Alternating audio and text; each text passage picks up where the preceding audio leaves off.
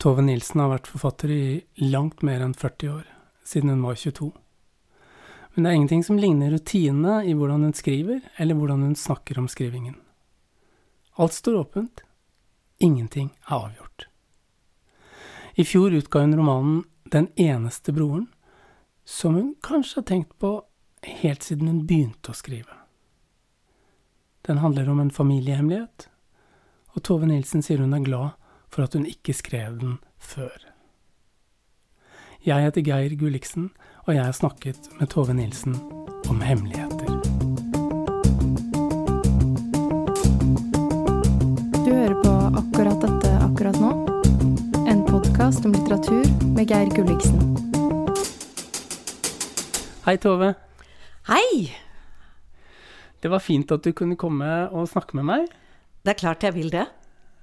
Det, på en måte så tror jeg at vi er i samme rom. Uh, på en annen måte er vi ikke helt i samme rom, men det høres forhåpentligvis ut som vi er i samme rom. Ja, vi satser på det. Ja. Jeg eh, hadde tenkt uh, at jeg skulle snakke med deg om hemmeligheter. Og det er jo delvis på grunn av den seneste romanen din, 'Den eneste broren'. Mhm. Men det er noe med hemmeligheter og skriving òg, er det ikke det? Jo, jeg syns jo at det er et uh, kjerneord.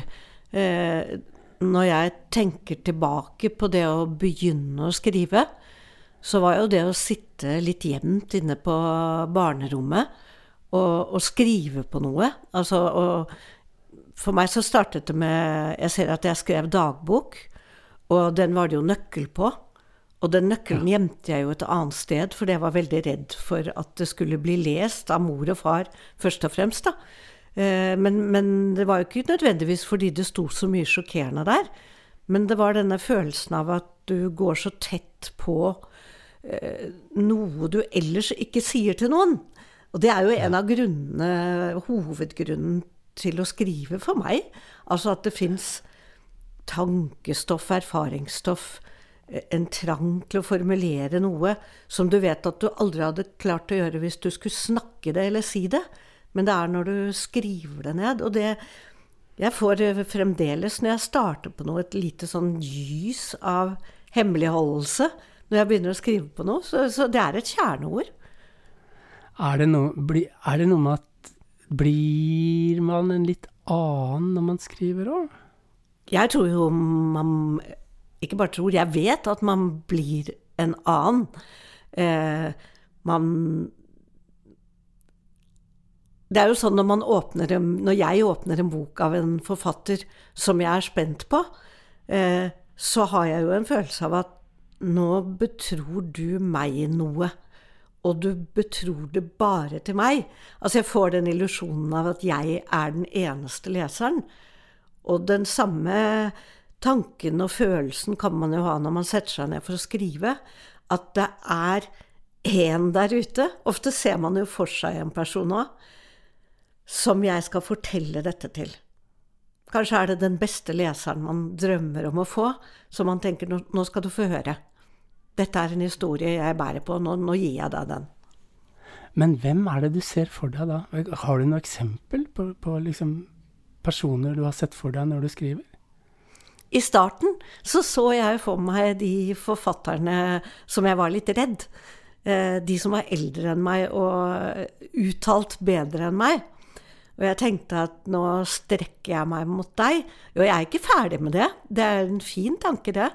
Men eh, det kan jo også bli en sånn klo Det kan bli styggen på ryggen, ikke sant? At du, du får en slags eh, selvsensur og blir redd.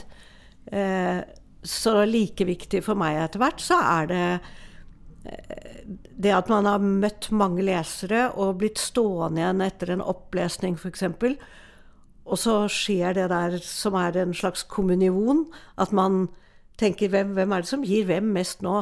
Leseren eller, eller forfatteren? Fordi vi begge to deler en eller annen fortelling man ikke kan glemme. Eh, Så like viktig er det å se for seg en av de leserne der som du vet at er de som stiller seg opp i kø foran et bibliotek en kveld når det pøser ned, for å få høre om en bestemt bok de vil lese.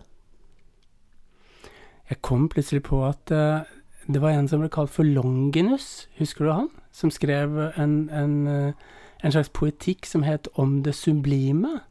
Og det eneste jeg husker fra den boka, det er akkurat det du sier. Ja. Han sier du må se for deg den beste leseren du kan tenke deg, og så skrive til vedkommende. Mm.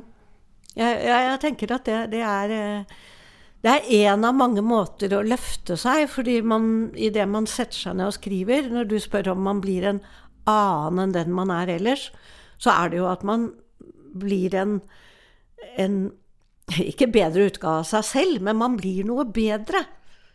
Eh, det er jo noen som eh, Hvis man er posør som forfatter, så blir ofte figuren, altså forfatterfiguren, den viktigste. Og det kan jo være veldig morsomt, ja, altså. Eh, men, men, ja da, vi, vi, kan alle se for oss en eller annen forfatter som vi tenker Oi, du altså, du er fargesprakende. Men en annen tanke når man skriver, er jo at dette her skal være langt mer interessant enn min ringe figur. Ja, og det er vel det, det flotteste som Dette vet jo du òg, når, når, man kommer dit at man kjenner Oi, er det jeg som får til dette her? Det er en sjelden gudegitt tanke, da, men, men, noen ganger kommer man jo dit. At, at stoffet løfter en opp. Ja. I denne, og i denne romanen så har du jo en forteller eh, Vi må snakke litt om forteller, fortellerposisjon, eller det høres så flott ut å si det, men om fort, fortellerne, da. Eh, i, i, dine romaner. For det, det er veldig interessant, syns jeg. Eh, og det, i, denne, i Den eneste broren så er det liksom Så tror man jo Det er jo Tove Nilsen, forfatteren Tove Nilsen, som er fortelleren. I hvert fall ser det sånn ut. Hva tenker du om det? Jeg tenker i tråd med det vi har snakket om nå, at idet du setter deg ned og gjør noe i skrift, og gjør noe til skrift, så er det ikke deg selv lenger. Du, du, jeg kan godt operere med mitt eget navn og min egen fødselsdato og kline det helt inntil livet. Mm. Men uh, jeg husker en gang så sa Thomas Espedal i, i et intervju Han sa det veldig enkelt. For han sa bare alle må jo forstå at eh, den som sitter her, er ikke den samme som er i Skriften. Og det tror jeg alle gode lesere skjønner det. Eh, det, er, det, er, ikke noe mystisk eller noe rart jeg prøver å si nå. Det er bare at for meg er det ofte, og særlig i denne romanen her, viktig å spille med såpass åpne kort at jeg sier fra at det er eh, han som skulle bli onkelen min, onkelen til forfatteren, som denne boka handler om. Ja. Men jeg stoler såpass på gode lesere at jeg tenker at de skjønner at ja, ja, men det er jo ikke hun som vil passere på gata, eller hun som leser opp på biblioteket. Det er, det er den skrivende figuren inni henne. Mm. Sånn. Det, det, og den figuren er jo øh, Vi må snart inn i den romanen, altså, men jeg, jeg, vil ikke gi meg helt med dette her. For jeg, syns det er litt interessant det der at øh, Jeg lurer på I 1985 så skrev du en roman som het Den svarte gryte. Da hadde du en romanperson, en hovedperson, som var forfatter og het Tove Nilsen.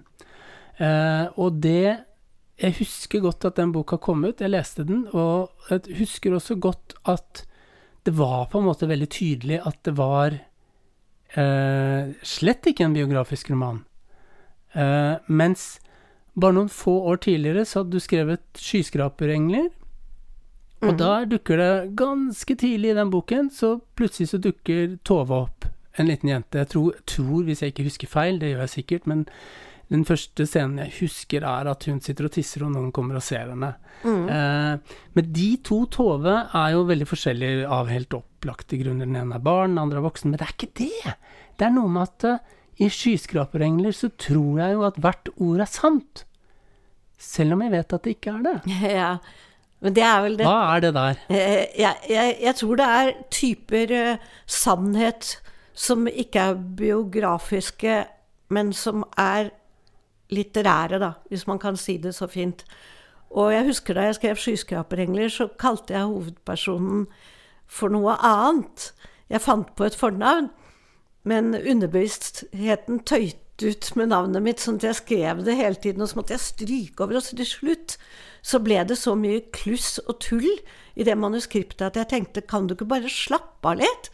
Og så bare vedstå deg, det er jo du som har bodd i denne skyskraperblokka. Det er dette du dikter rundt.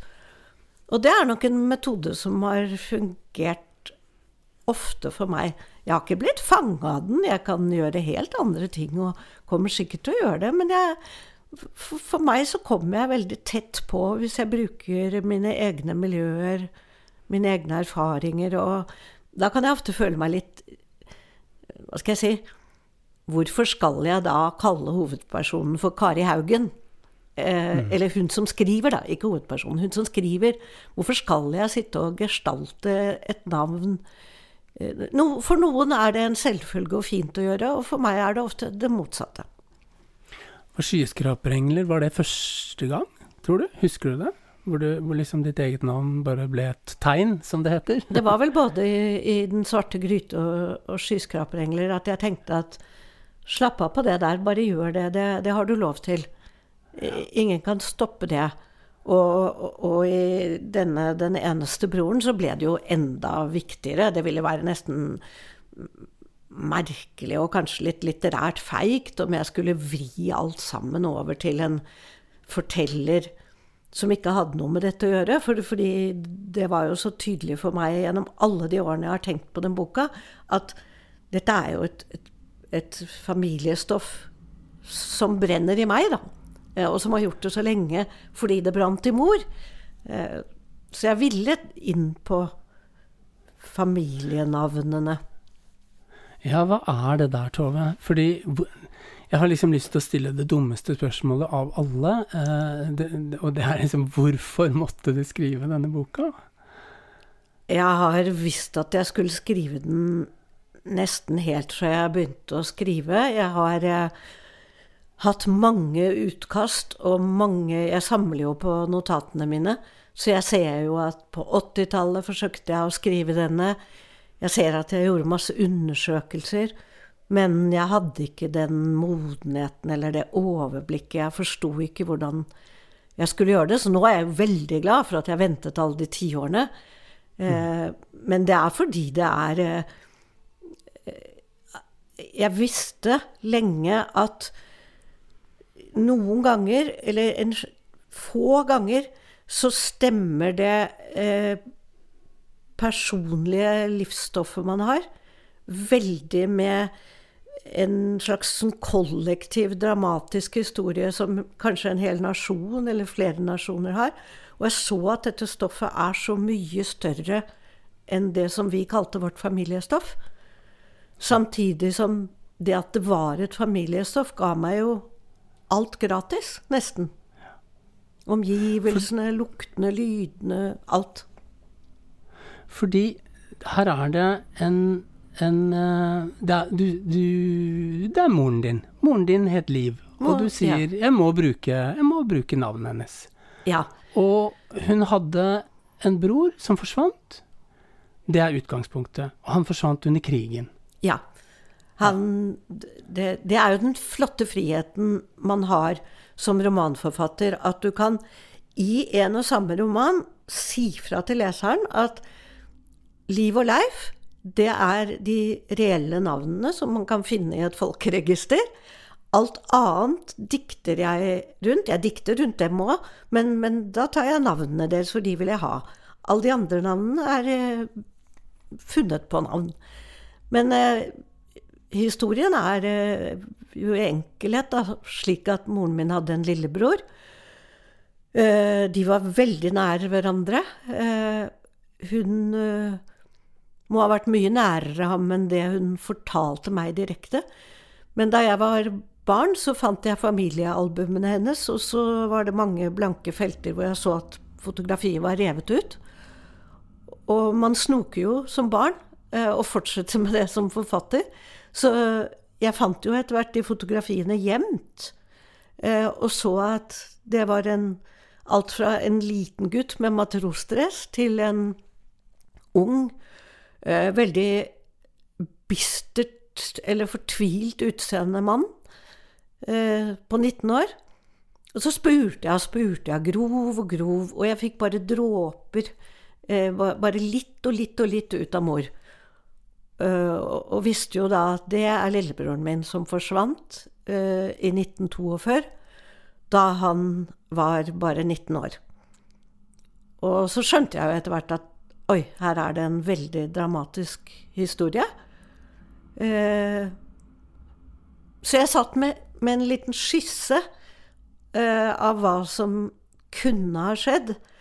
Og jeg vet ikke engang om mor og familien hennes visste egentlig hva som skjedde med ham, men det var jo en veldig dramatisk historie i virkeligheten.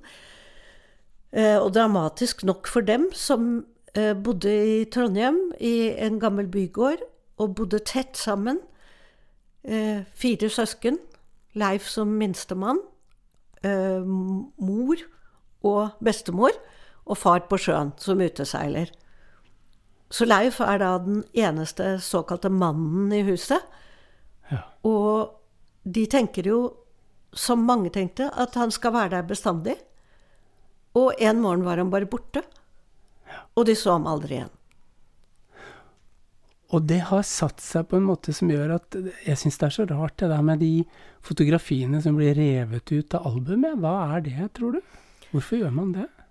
Eh, jeg er veldig glad for at jeg la inn det eh, helt i starten av boka. For jeg må jo kunne si her at du var en av de første som leste dette som uferdig manus.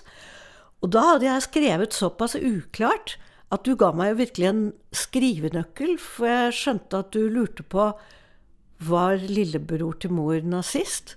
Var det derfor bildene ble revet ut? Men han var jo det motsatte. Han var en såkalt motstandsmann allerede som 17-åring, uten å være organisert.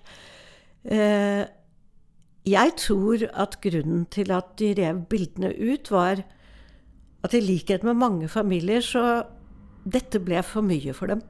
Altså, det ble et så stort traume å bære at de ikke var forberedt på det, men plutselig så mistet de Altså, en mor mistet sønnen sin de tre søstrene mistet lillebroren sin.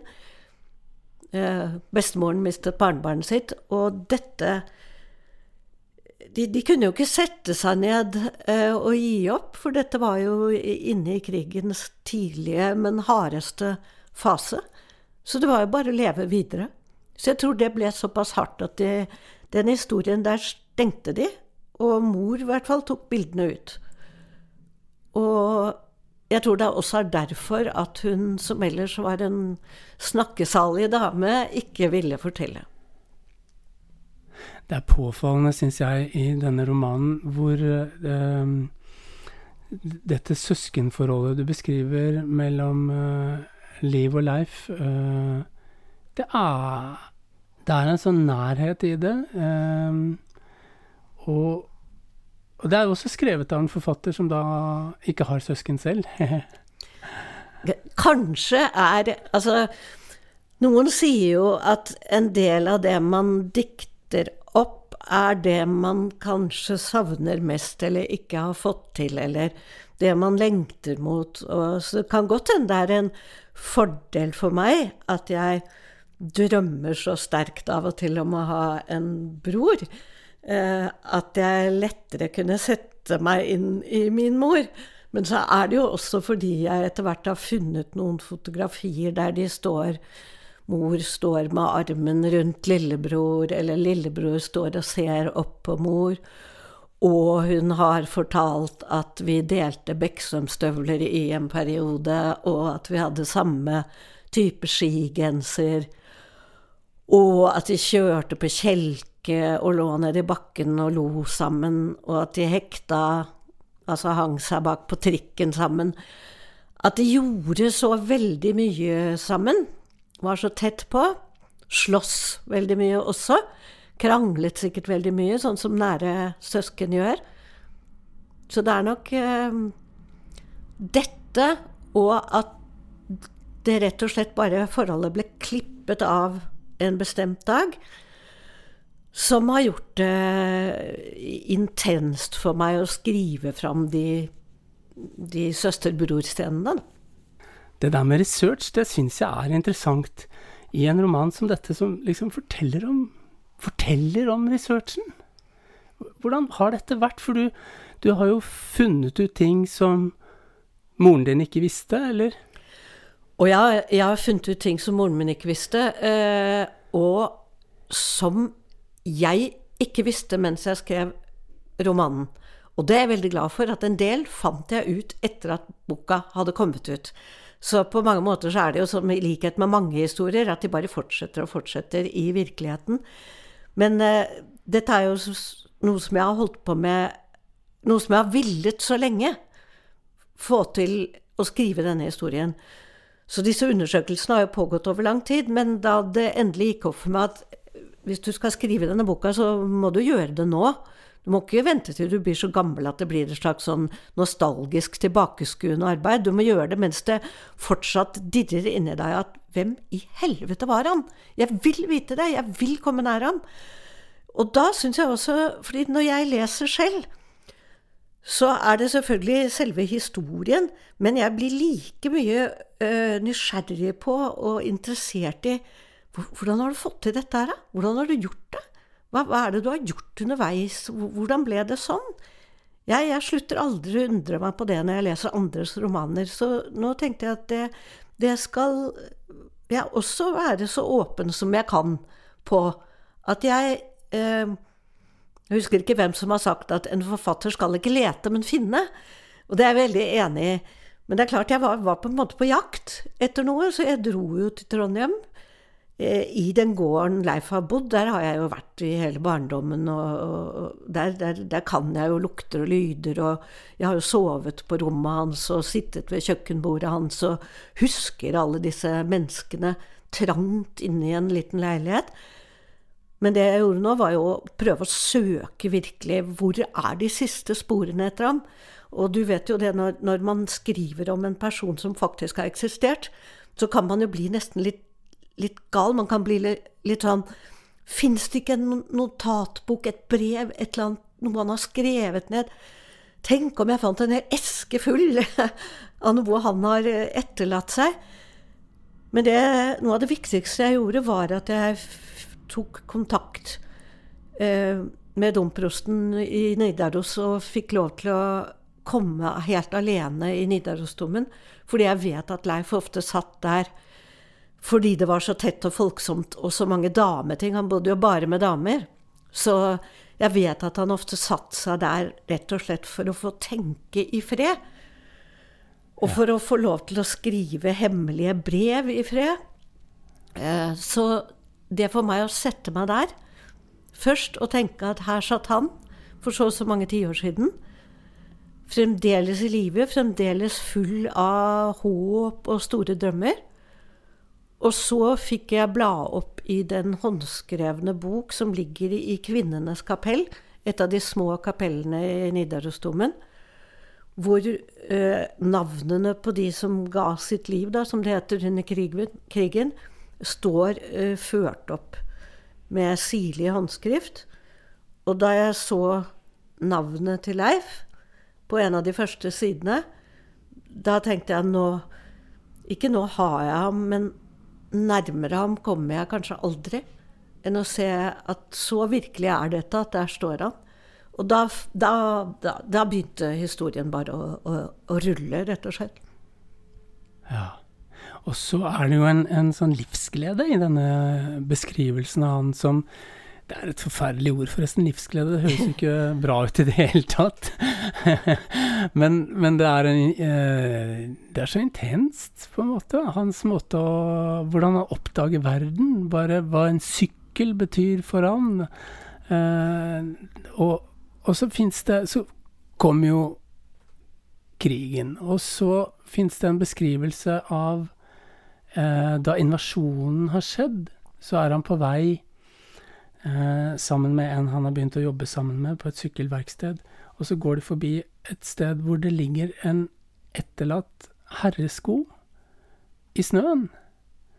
Og det For meg er det noe av det liksom sterkeste bildet jeg har sett på en ulykke, eller på, på at noe forferdelig har skjedd, og i dette tilfellet Um, antagelig på grunn av invasjonen, da? Er det Hvordan Ja.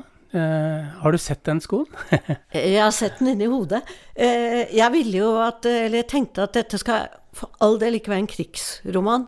Altså en sånn actionaktig krigsroman. Det har jo andre skrevet før. Og det har jeg ikke noe forutsetning for å skrive.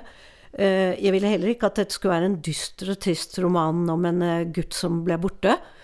og når du sier det med livsglede, Eh, jeg skjønner at det kan, kan være et, eh, et, vanskelig ord, men det som jeg merker med Leif når jeg skriver om ham, det er kanskje det der 'jeg vil ha'. Altså, han, de er jo de er ikke av de fattigste, men de eier jo nesten ingenting, den familien. De strever jo hele tiden. Eh, han ønsker seg herresykkel.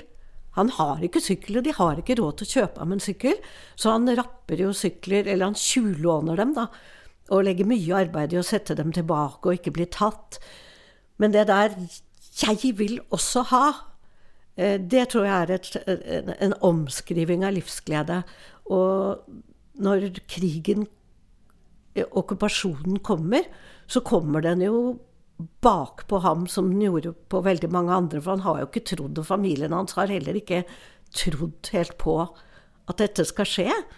Selv om de har en far eh, der ute i verden som hele tiden har advart dem om at det kommer til å bli riktig jævlig her, så tror de ikke på det. Eh, så det er bare de der hva skal jeg si, lykketreffene som skjer når man sitter og skriver. Og jeg tenkte at han går eh, gjennom snøen, han går med en kompis. Det verste av alt er jo hvis du skriver at å, dette er virkelig litt av en dag, Norge blir okkupert. Du, du, må finne et eller annet. Og da tenkte jeg bare hva er det han ser? Han ser en sko, og han aner ikke hvorfor. Men noen har løpt av seg en herresko av en eller annen grunn, og det er jo et skummelt I hvert fall i, i en sånn dramatisk tid så ser det skummelt ut. Ja, det, det, er nettopp det det gjør. Og så har du funnet et, uh, et dokument som er veldig viktig i romanen. Eh, som er en beskrivelse av, av um, av han etter at han er død, og det er vel kanskje også et av de stedene hvor du kommer virkelig, virkelig tett på, ikke sant? Hva er det som skjedde med han? Kan vi, vi ja, jeg tror ikke, man, ja. tror ikke man ødelegger lesninga av romanen hvis vi forteller det. Hva Nei, var det egentlig som skjedde med han? Ja, jeg sier jo det allerede i første kapittel. Altså at ja. dette er han som skulle bli min onkel, som rakk å bli 19 år fordi han eh, rømte byen av en eller annen grunn, som jeg da prøver å nøste opp. Og det skal jeg ikke fortelle nå, men jeg prøver jo å nøste opp underveis. Hva er det han har gjort? Men han måtte fort ut av Trondheim sammen med en kamerat. Og han går eh, fra Røros eh, en novemberdag og over eh, mot det som heter Vigelsfjellet. Han skal altså til Sverige og tror at det skal være en For det er egentlig en ikke så veldig vanskelig fluktrute. Men eh, de blir overmannet av snøstorm. Og har underveis måttet eh, skifte av seg våte vinterstøvler og ta på seg tynnere sko. Og det hele ender med at eh, Leif, en ung kvinne som følger dem, de to fryser i hjel. Rett på grensen til, mellom Sverige og Norge. Så de har altså nesten kommet fram og er nesten i sikkerhet, men de er for utmattet, og det er storm. Eh, så der dør Leif. Eh, dette visste jo jeg, og det forteller jeg leserne. Men eh, jeg lette jo og lette jo i dokumenter for å få fylt ut denne historien og gi ham et, et slags liv før dette skjer. Og da finner jeg et dokument hvor eh, det beskrives Det er altså politirapporten fra de som fant Leif og Ingeborg Anna Færhagen. Det er også et reelt navn. Og der står det blant annet at til arbeider å være har han usedvanlig smale og små hender. Og da jeg leste det, da kjente jeg jo Nå har jeg hele romanen.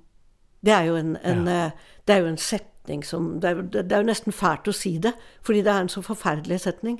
Men det, det ga meg jo hele boka. Eh, for, fordi da, da, tenkte jeg det, det, forpliktet meg så til de grader. Da jeg hadde lest det til arbeider å være av den ekstremt smale hender, så kjente jeg det jeg må få til denne historien. Får jeg ikke den til, da, da må jeg bli noe annet. En, da kan jeg slutte å skrive bøker, rett og slett. Jeg tenkte det. Og det fikk det jo virkelig til, eh, må jeg si. Det, det, mm, denne, dette dokumentet er jo også en har en oppregning over hvor lite liksom over tøyet han hadde på seg også, ikke sant. Det er, eh, det er en, en, en, en sånn En roman som er veldig mettet av, av uh, det virkelige, liksom. Av ting. Av hva slags klær hadde man, av hva slags hva, hva, kunne man spise, hva, hva, fikk man ikke å spise, ikke sant? Eh, og så har jeg tenkt at eh, på et eller annet vis så er denne romanen Jeg syns du som forfatter kanskje også er mer eh, indignert, eller mer eh, sint, eller mer eh, opprørt, kanskje er ordet mm. nå, enn en jeg egentlig kan huske å ha sett deg før. Eh, delvis så kommer det en fantastisk beskrivelse av eh, hva misunnelse er. Et slags forsvar for misunnelsen. Eh, men, men, så kommer det også da den der Du bruker et ord som 'frarøvet'. Og det, det tror jeg nesten jeg må finne, faktisk. Um, hvis det er greit. Jeg må bare finne ut uh, Jeg må bare um, Nå skal vi bare høre. Jeg, du må bare høre på dine egne ord. Jeg beklager, men jeg må gjøre det. Uh, fordi uh, du har gått inn på, på um, ja. Sinnet mitt kommer først dagen etter i form av ett sammenpresset ord. Frarøvet. Og så kommer en katalog over liksom livet, om hva som kan hende i et liv. Eh, hvilke Altså de små, fantastiske tingene. Eh, og, og, og, så slutter det med frarøvet muligheten til å sitte i sitt eget hjem og se på en kvinne med lyst hårbrus og tenke er det virkelig sant at hun og jeg har et barn sammen, og snart kommer det kanskje et til. Og det er jo eh, Hele den der katalogen der er jo Ser ut som den er båret av sinne. Jeg, kan du kjenne igjen dette? Ja, jeg er veldig glad for at du bruker det uttrykket, fordi Eh, man får ofte høre at man er sint som ung eh, forfatter, f.eks. For politisk sint, ikke sant.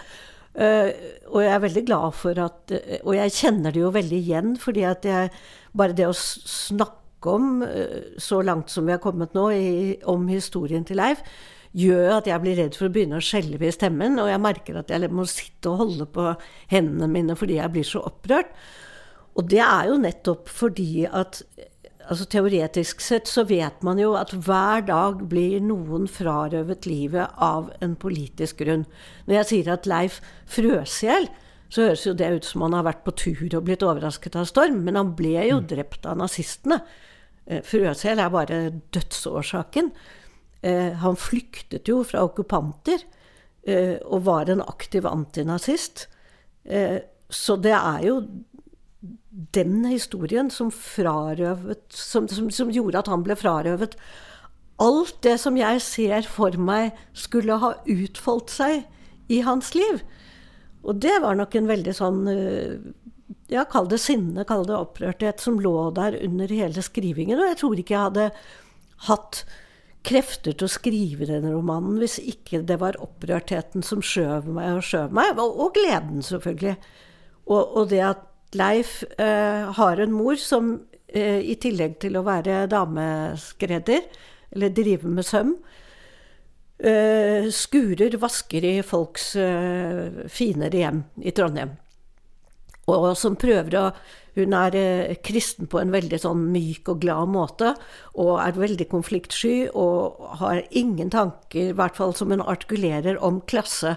Så hun prøver å tulle bort dette at de kommer inn i Leif med henne eh, hjemme hos folk og ser hvordan folk kan ha det. Eh, og får jo helt sjokk de første gangene han ser bad som er større enn deres stue. og Alt dette som han nesten ikke tror at folk har hjemme. Og som gjør ham klassemessig opprørt. Og desto mer opprørt når han hører dette dumme som moren hans prøver å spøke vekk ved å si at jeg er professor i skurologi. Eh, Ikke sant? For hun vil ikke ha noe spisse kanter rundt dette at noen er fattige og noen er ekstremt rike. Mens Leif er jo eh, rasende innerst inne over dette. Og det raseriet Oppå det raseriet legger raseriet over okkupasjonen og nazismen seg. Men han er, en, han, er en, han er jo bare en vanlig gutt. Han er ikke en, politisk skolert eller organisert. Eller, han er en tenåring som er sint, og som veldig gjerne vil ha mest mulig ut av dette livet. Lykkejeger syns jo jeg er et uh, nydelig ord.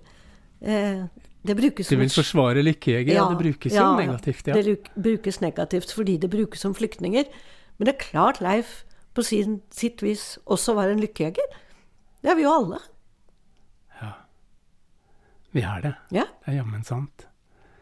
Eh, og det Men og det, dette raseriet er jo også ditt eget, da, Tove? Ja, det, er det en viktig del av skrivingen? Ja, ja, ja. Eh, jeg tror det er en eh, Altså, det gir meg stor glede å skrive. En glede som er så dyp at jeg egentlig ikke kan se for meg at jeg skal kunne stoppe med det noen gang. Med mindre fysikken eller døden stopper det. Fordi det er, det er som å puste. Det er som å Men eh, sammen med den gleden så ligger jo ofte en opprørthet som jeg syns du finner hos veldig mange forfattere som, som går dypt i ting, da. Eh, for, fordi det er jo fullt av opprørende skjebner. Det er jo bare å stikke hodet ut, så kan du bli opprørt over noe. Og av og til er det lettere å bli det jo nærmere man er i familie, eller jo nærmere sitt eget liv. Men det er jo bare fordi man da kan mer om historien. Kan flere mm. detaljer, vet mer om klær og mat og men eh, jeg vil gjerne bevare den, den opprørtheten, ja. Det slo meg plutselig at den aller første boken din het eh, 'Aldri la dem kle deg forsvarsløst naken'. Det er jo eh, også en veldig et opprør, på en måte, i den boka. Kan du huske hvorfor du skrev den? Eller liksom oh, ja. hvordan å oh, ja. Det er jo en veldig oppstyltet uh, tittel, og jeg må jo smile av den. Nei, det syns jeg ikke. Jeg syns ikke det. Nei vel. Mange, den, den, er nesten umulig å huske korrekt, og jeg syns jo den er litt, litt sånn kvasipoetisk. Men, uh, men, jeg husker veldig godt det, det, det som lå bak av uh, min egen visshet om at hvis jeg som 18-åring nå blir gravid og ikke vil bli mor, så har noen bokstavelig talt rett til å kle meg naken, både sånn med klær og ellers, i en undersøkelse og en nemnd. Og, og jeg husker hvor frenetisk det gjorde meg. Mm. Og nå er vi jo der igjen at vi diskuterer dette på nytt. Men, eh, men eh, man, man, skal takke for sin evne til å bli opprørt. Ikke bare som forfatter, men eh, altså det, det, er jo det motsatte av sedatheten. Er det ikke det? Jo. jeg tror det. det. Du har helt rett i. Det tror jeg. Men, men du, hvis jeg spør deg uh, hva, hva slags er det, Fins det noe, en bok som du liksom har hatt med deg mens du skrev uh, denne boken? Er, hva vil du hva ville du pekt på da, liksom? Hvilken bok da? Eh, en bok som det nesten er umulig å ha med seg. Eh, jeg har jo alltid noe som eh, Man har jo sine metoder for i det hele tatt å starte opp skriving dag etter dag. Og jeg må lese noe som er veldig godt, og som trekker i meg, for at jeg ikke skal få den der Er det egentlig noen vits i at jeg gjør dette? Eh, og da det jeg leste under hele denne prosessen, det var rett og slett eh, van Goghs brev. Eh, som jo er samlet i en, en kjempetjukk bok på norsk. Eh, og de Én ting er at van Gogh skriver så godt, men det som trakk og trakk i meg da, det er jo at dette er jo skrevet før han ble det som i våre ører er van Gogh, eller i våre øyne er van Gogh. Eh, dette er skrevet av en som bakser og baler fordi han vil inn i eh, motivene sine, han vil inn i kunsten, han vil skape noe stort. og, og sinnsstemningen hans skifter, skifter, skifter. Eh, så det, den hadde jeg med meg hele veien. Ja. Men han er jo fryktelig åpen, har det slått meg. Fordi i disse brevene til broren så forteller han jo Han forteller hva han holder på å male, hva han har tenkt å male, hvordan han har malt det. Dette er jo Er det litt fremmed for deg også, det der? Altså, apropos hemmeligheter? Jeg, jeg vet ikke. Eh, det kan nok godt hende at det ble en som en nødvendig motvekt til å sitte Jeg har jo jobbet aktivt i tre år med denne boka, og det er klart at du sitter da inni hemmelighetene, ikke bare til Leif, men til Liv, min egen mor, som, som jeg presset og presset og presset helt til jeg skjønte at nå går det ikke an å presse henne lenger, for hun er for gammel og skrøpelig. Eh, så, så, så, det med hemmeligheter var jo, var jo nøkkelordet for, for meg her. Og det kan godt hende at jeg ubevisst har søkt mot det motsatte, og at van Gogh forteller og forteller og forteller og forteller hver minste sinnsstemning og hver tanke dag etter dag. Det kan hende. Men jeg tror nok mest av alt er det eh, å se en som aldri ga seg. Eh, ja. Og som jobbet med sitt mot alle odds. Det er så inspirerende. Eh, for det var jo i perioder ingen som trodde på ham. Det var ikke et helt kor som sto rundt og klappet og sa du kommer til å ende opp som den store van Gogh. Ikke sant? Og det, det, det kunstnerisk sett, alle som prøver å lage noe, må jo eh, bryte med sin egen beskjedenhet. Den, den er der. Eh, men, men, man må jo, det, dette kan du alt om, man må jo på et punkt kjenne at jeg kan noe mye bedre enn det andre og jeg selv tror jeg kan. Og for å være der, da trenger man jo veldig mye hjelp, da. Eh, ja. Noen finner det i musikk, noen finner det i å løpe eller gå tur. Eh. Jeg, jeg prøver å lete Der virkelig leter jeg, altså overalt. Hjelp meg videre. ja. Hvordan ser du ut, tror du, når du skriver? Du, forhåpentligvis så ser du ikke på deg selv når du gjør det, men hvordan ser det ut, hvis man skulle tenke seg hvordan det ser ut? Der sitter Tove Nilsen og skriver. Hvordan ser det ut? Tråkke og gå. Sitte på halv tolv i uriktig skrivestilling ved middagsbordet. Jeg la hele den fine skrivepulten som jeg husker jeg fikk fra moren min fordi hun mente jeg måtte ha en anstendig skrivepult, et flott skrivebord, har jeg aldri skrevet ved. Jeg sitter eh, bare i en krok eh, ved middagsbordet og har ikke behov for noe som helst slags staffasje, men må reise meg veldig ofte og gå rundt og gå rundt og gå rundt. Og ofte kle på meg og gå ute og tenke ute. Være veldig mye alene. Og en sjelden gang slå fingeren i bordet og si høyt, som en sånn rar dame 'Der fant jeg det! Der, ja. der kom ordet!' Eh, altså Så det er jo en eh, Det er jo en heftig Det er jo heftige skrivedager. Ja. Og du kan jo ikke skjule for noen lenger at du er forfatter, men, men jeg, jeg har aldri fått inntrykk av at du er en som forteller andre hva du skriver om. Nei, nei, nei. Og jeg kan ha beundring for Særlig opplever jeg mange unge forfattere, helt unge, som kommer og sier 'Kan ikke du lese gjennom dette, for det er halvparten av en roman?' Eller 'Les denne skissen her', eller Jeg, jeg syns det er så modig gjort. For jeg er veldig redd Jeg er livredd selv når jeg går til en redaktør. Fordi jeg krisemaksimerer og tenker at jeg får beskjed om at det ikke er noe. Eller jeg er livredd for å bli distrahert og vendt i en annen retning. Um, ja. men, men, jeg tror også at det er og det har jeg lært av et langt forfatterliv. Det er, da er vi tilbake ved ordet hemmeligheter igjen. For jeg har sittet ved mange kafébord og hørt om mange romaner som aldri har blitt noe av. Jeg har hørt så mange fortellinger om 'den boka kommer til neste år', og 'den'. Og så har jeg tenkt ja ja, det har gått ti år, hvor ble den av da? Snakket du den i hjel? Jeg er livredd fordi, fordi du, når du skriver, så bygger du opp et trykk. Og det trykket handler ikke minst om at dette er det bare jeg som vet noe om. Jeg må ikke fortelle det til noen, jeg må ikke vise det til noen. Jeg må la det komme som en slags Ikke sånn at jeg tror at noen skal etterape det og stjele ideen min, eller noe sånt. Overhodet ikke. Men, men, altså at Jeg ser det nesten som en slags beholder som er lukket. Og hvis jeg begynner å åpne den, da siver stoffet ut i alle kanter. Og til slutt så kan det miste kraften sin. Så jo mer alene jeg er om det, jo bedre er det. Men så, så skal ikke jeg underkjenne at i det øyeblikket du blir modig nok og går til den eller de redaktørene man har tillit til, og får enten et stoppskilt eller en, en, ny retning, det er gull verdt.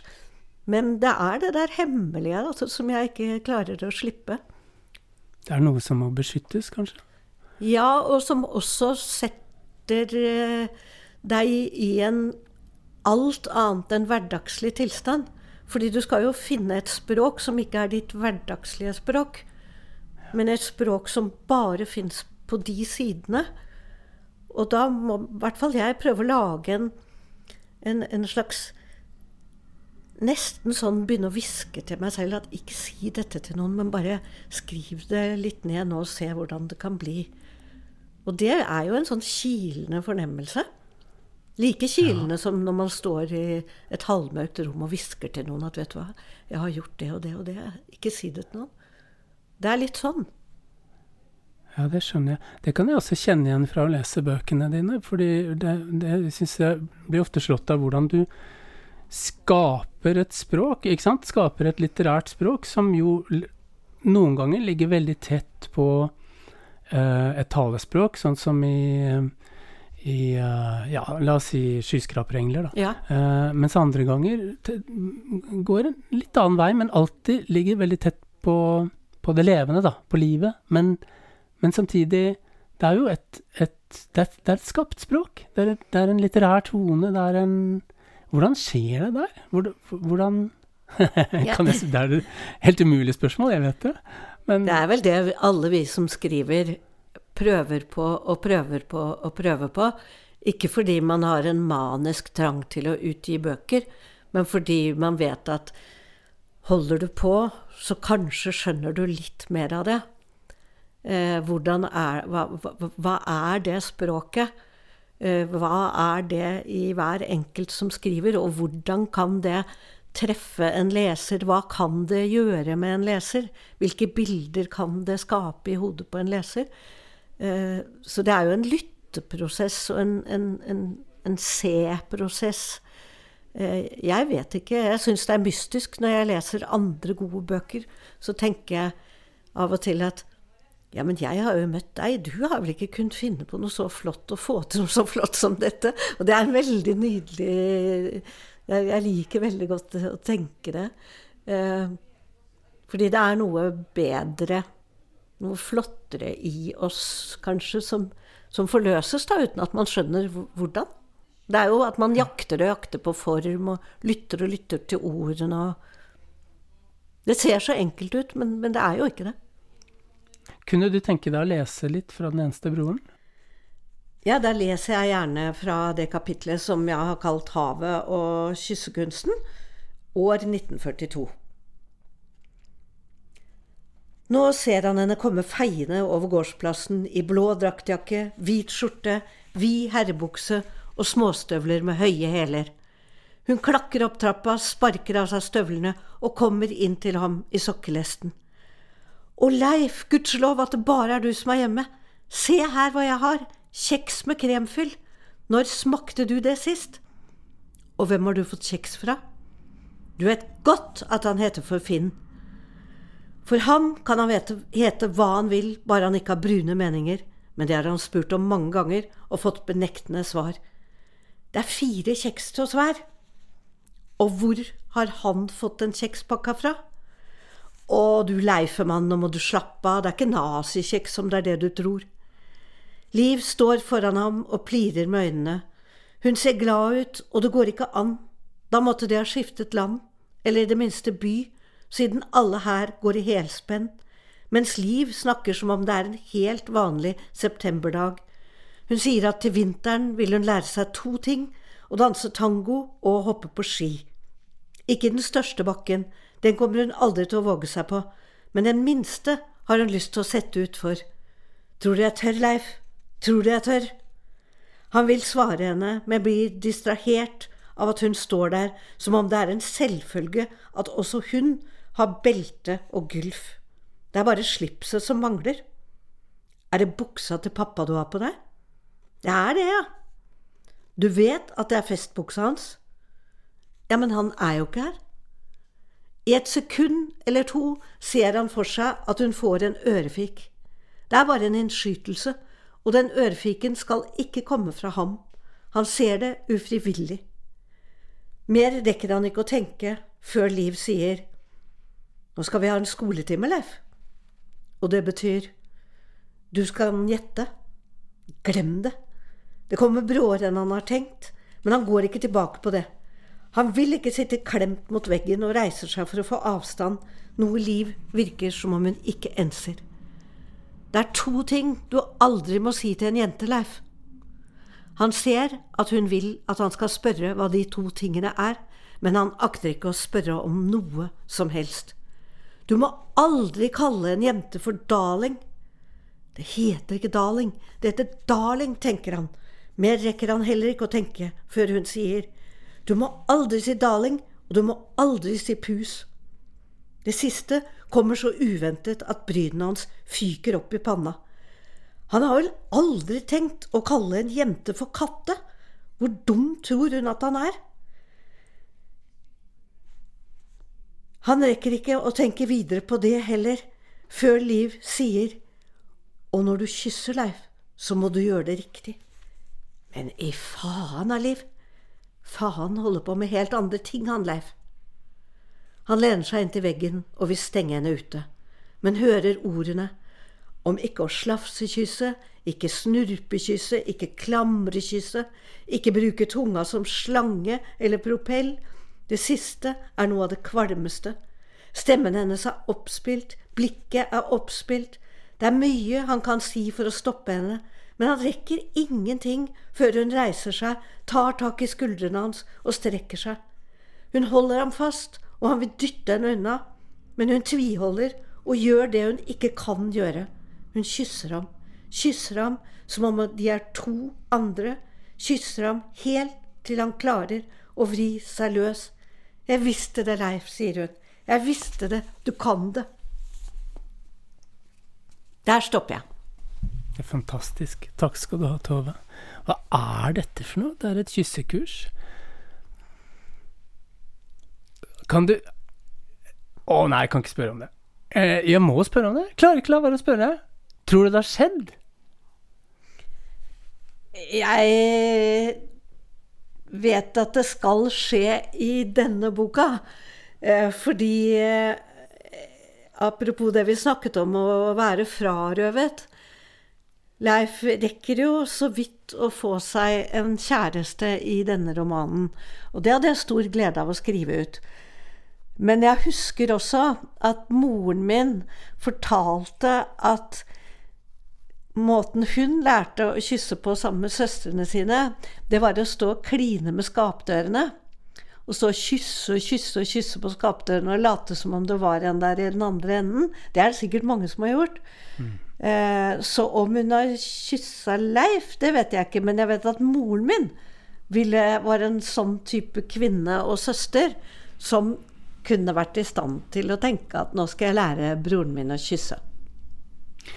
Det er uh, umulig å ikke tro at det er sant, uh, på en måte. Dette er en helt levende person. Uh, jeg, jeg, mens jeg leste romanen, så tenkte jeg Hadde jeg klart å forestille, seg, forestille meg min mors ungdom på den måten, og det tror jeg på en måte at jeg ikke hadde. jeg bare lurer på når du har skrevet en sånn roman, hva gjør det med deg, eller hva gjør det med Blir, blir det sånn at dette er sant for deg, eller, eller går du rolig videre og, og, starter på å gjenoppdage moren din om igjen, sånn som man gjør i livet? Det var et langt spørsmål. Jeg, jeg tror nok man jeg, jeg, jeg, tror nok at, at, at jeg går videre og prøver å på andre måter forstå, sånn som vi alle gjør med de som har blitt borte. Hvem var du egentlig? Hvordan var du? Hva, hva, hvordan ble du som du ble? Men uh, dette, dette, stoffet, når det er skrevet, uh, da blir det veldig sant for meg. Da har det skjedd. Og kanskje er det at vet, noen, har, noen, forfattere har jo sagt at en av grunnene til at de levendegjør folk, er at de lengter sånn etter dem. Eh, jeg tror ikke jeg går og lengter bevisst etter moren min, men jeg liker jo veldig godt å tenke på henne før hun ble moren til noen, mens hun bare var en uh, ung kvinne, også hun med hele livet foran seg. Uh, men det blir sant på en måte, ja. Og jeg har jo fått flere ganger spørsmål om Eh, er du ferdig med dette stoffet nå? Og da blir jeg helt slått av at overhodet ikke. Fordi i andre romaner har jeg ofte kjent at jeg er veldig ferdig. Jeg lukker det, og jeg kommer aldri til å gå inn i det annet enn å lese opp for noen. Eller, men, men, det kommer til å være ikke lenger aktivt i meg. Mens dette stoffet her har det skjedd noe med som gjør at jeg vet at det er et univers som jeg ikke kan forlate på en eller annen måte må jeg inn i det igjen. Ikke ved å skrive serie, og Leif kan jo ikke gjenoppvekkes, men det er andre figurer der som jeg kjenner at hele dette universet, det trekker i meg. Og jeg blir på en eller annen måte veldig, veldig berørt og veldig opprørt når jeg tenker på det. Så det en, på en måte er det en slags ny forfattererfaring som kommer nå når jeg har holdt på i over 40 år. Det er, det er rart. Ja, det er interessant. Det høres ut som du har begynt å skrive på en ny roman? Jeg skal begynne å skrive på en ny roman. Jeg har begynt å skrive på nye fortellinger som eh, jeg er veldig glad for å holde på med. Eh, og som nok skal komme ut om ikke så lenge. Men jeg har også begynt på tanken om en ny roman som har med dette universet til den eneste broren å gjøre. Det var fantastisk å høre, syns jeg. Det, det, var uh, så fint å snakke med deg om, om Den eneste broren, og om, om, alt sammen. Om skrivingen. Takk skal du ha. Tusen takk skal du ha.